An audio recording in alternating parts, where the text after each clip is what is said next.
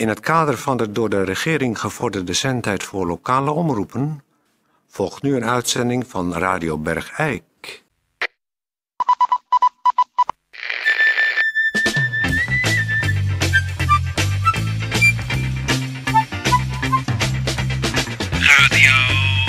Radio Bergijk. Radio Bergijk. Het radiostation voor Bergijk. Radio Uw gastheer, Toon Sporenberg. Toon Sporenberg. Goedendag dames en heren, hartelijk welkom. Radio Bergijk. Ja, ik heb er echt zin in vandaag. Eh, we hebben dadelijk een gemeentebericht, we hebben een gast in de studio. En, niet te vergeten, luister daar beslist naar. Weer een cultuurcassette opgekregen, opgestuurd gekregen van Tinus van der Akker. En eh, nou ja, u weet het, dat is poëzie eh, zoals het... eh, mijn- We hebben ook studiogasten. Ja, wat zit je nog gek te doen met je radio? Doe het keer normaal, man. Goed, we hebben studiogasten. Een brandweercommandant. en Ik probeer eens een keer een leuk, luchtig toontje. Nou ja, laat ik maar, gemeenteberichten. Jij doet het gemeentebericht. Ja. Ik heb gewoon helemaal geen zin in. Gemeentebericht. Er is een eh, vraag gekomen. Eh,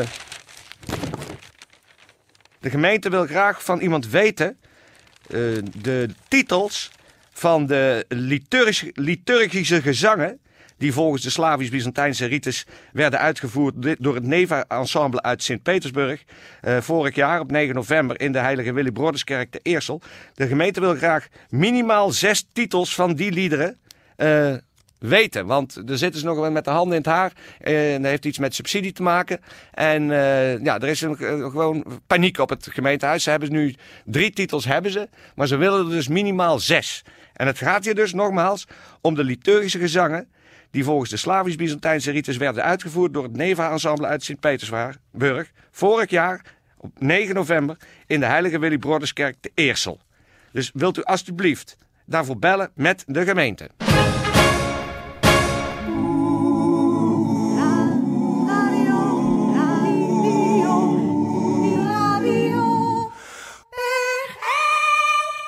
Goeiedag, eh, dames en heren. Dit is Peer van Eersel. En eh, in het kader van de grote eh, Bergijkse brandpreventieweek, die door de gemeente is, in het leven is geroepen, heb ik hier twee gasten in de studio zitten. En dat is eerst brandweercommandant, een van de 24 brandweercommandanten die we hebben in Bergijk. Dat is Jules Bakermans. Inderdaad. Goedendag, mag ik Jules zeggen? Natuurlijk. Tegen de commandant. Ja, of meneer Bakermans, wat u wil.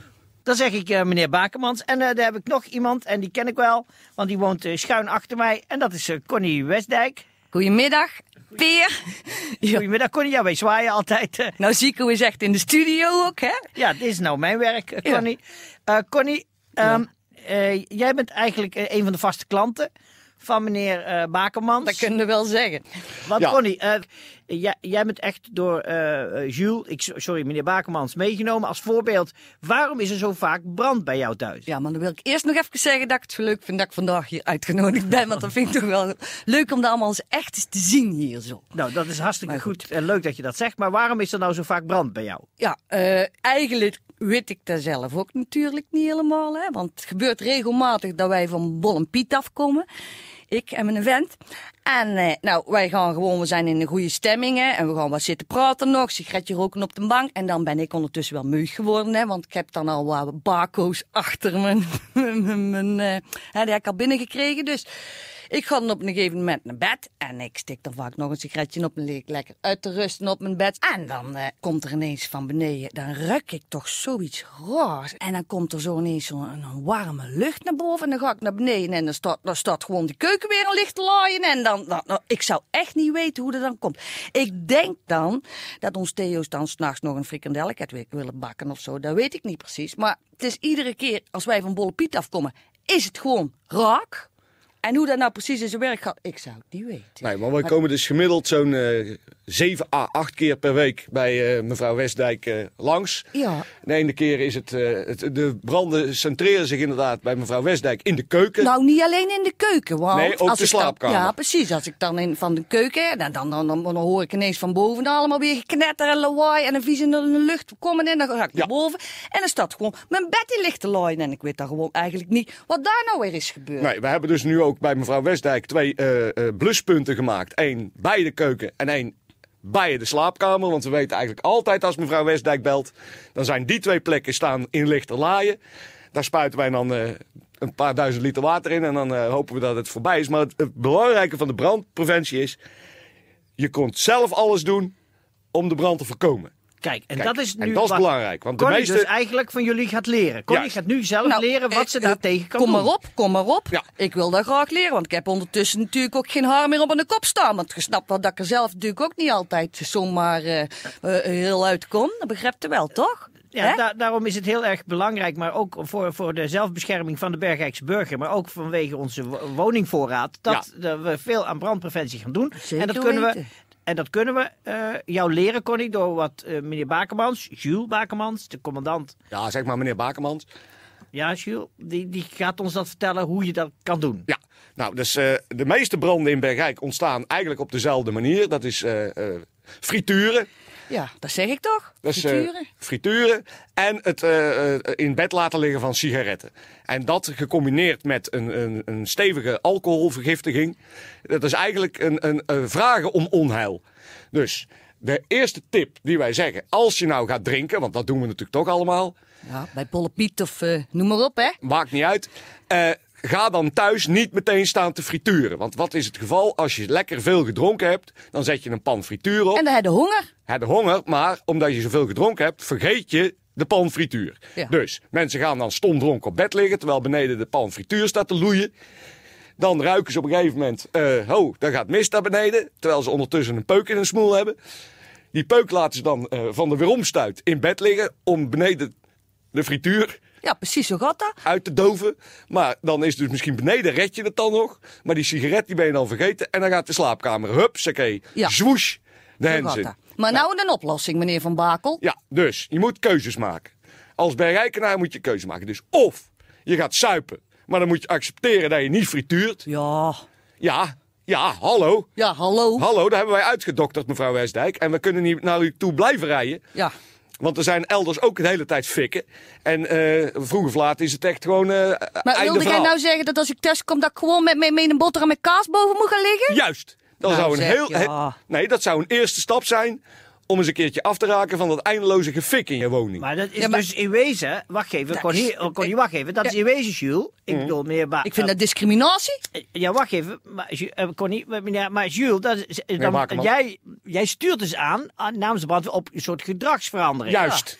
Maar Connie heeft er grote moeite mee. Want die Ja, denkt, ik heb ja, daar grote moeite mee, ja. als je dronk- Zeker. als je dronken bent, Ik dan vind heb een boterham trek- met kaas niet te vergelijken met een vlammeken of met een frikandelletje. Dus ik ga Nee. niet ineens in bed liggen en dan denken, oh, lekker een boterham met kaas. Ik ga nou eens lekker beneden een boterham met kaas smeren. Nee, dat doe ik niet. Nee, ik wil gewoon lekker frikandelletje of een vlammeke of... Ja. dat wil ik kunnen maken. dat in mijn goed. eigen huis daar heb ik toch recht op? Ja, daar heb je in zoverre recht op dat je er niet bij Daar moet. zullen we nou meemaken. Nee, mevrouw Dat de Westdijk- brandweer mij gaat zeggen wat Connie. ik, wat, ik, wat ik godverdomme moet eten. Ja, dat, dat Ja, is wel dat een is- beetje waar, Jules. ja, Da- da- dan kan je toch de bergijkenaar niet verkopen. Nee. En jullie zijn er toch voor als brandweer? Ik ga jou toch ook niet zeggen je 's ochtends op een brood moet doen, of wel soms? Nee, Daar hebben ze wel Hè? gelijk in, Ja, dat is ook wel waar. Maar hoe doe jij dat dan? Als jij bij Beeks bent geweest. Ja. Want ik zie jou ook altijd zitten bij Beeks en dan kruip je naar huis.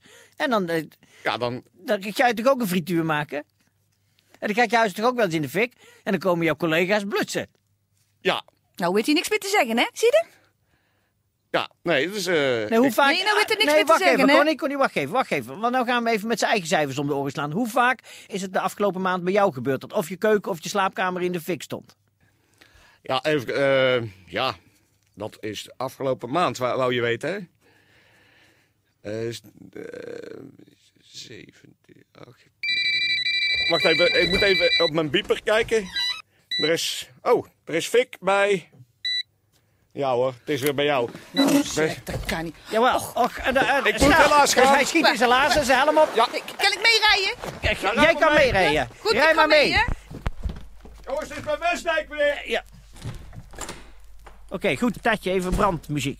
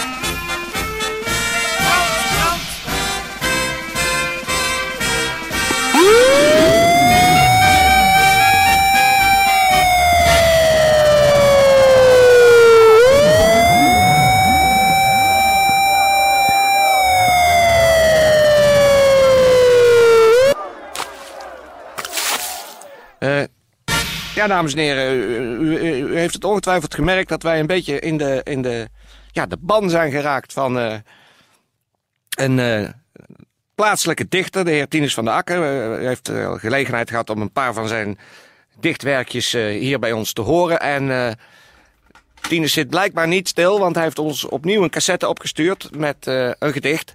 En daar gaan we nu even naar luisteren. Sta- start de cassette. Paulus Tinus van der Akker met een, eh, een nieuw gedicht en het heet De Bonte Trekrups.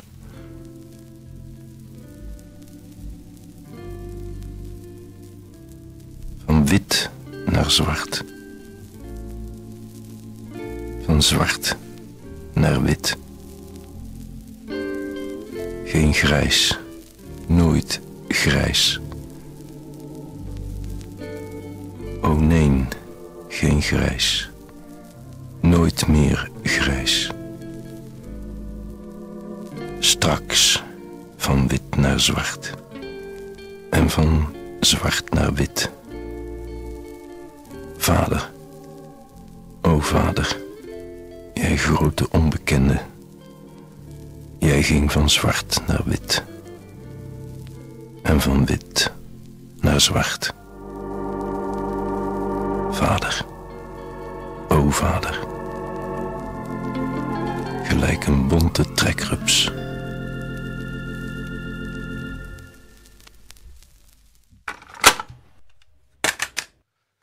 Nou, dat was, eh, dat was er weer zo eentje, dames en heren. De, nou, moet zeggen, de, de constante e- emotionele kwaliteit van deze gedichten is werkelijk is echt verbijsterend. verbijsterend, ja. Het is echt verbijsterend eh, van een diepgang en een taalvirtuositeit. ja. Geweldig. En, het, en, het, en het, het ritme van, van de taal die, die bijna een soort gesproken muziek wordt. Als ik het zo mag zeggen. Heel, heel, heel bijzonder zeg. Nou. Ik denk dat we maar eens uit moeten uitnodigen in de studio. Dat lijkt me. Maar ja, hij komt het huis bijna niet uit. Hè? Nee, het is nou, een goed. onbenaderbare figuur. Jawel, maar als je nou zegt dat je... eh, Kijk, hij hoeft niet voor camera's. Snap je? Dat is ook waar. Kijk, als, als, daar zou ik zelf ook moeite mee hebben. Als ik met mijn hoofd op de televisie zou moeten. Ja, maar, maar oké, laten we maar, maar Maar we gaan proberen. Ja, we gaan, Tijdje, we gaan eh, straks eventjes eh, met z'n drie op speurtocht. Dan gaan we proberen die man eh, hier naartoe te halen. Kijk anders of, je, of hij ergens op die cassette zijn telefoonnummer heeft achtergelaten of zo. Nou, kijk maar even. Voor alle zieke bergeikenaren beterschap en alle gezonde mensen. Kop op.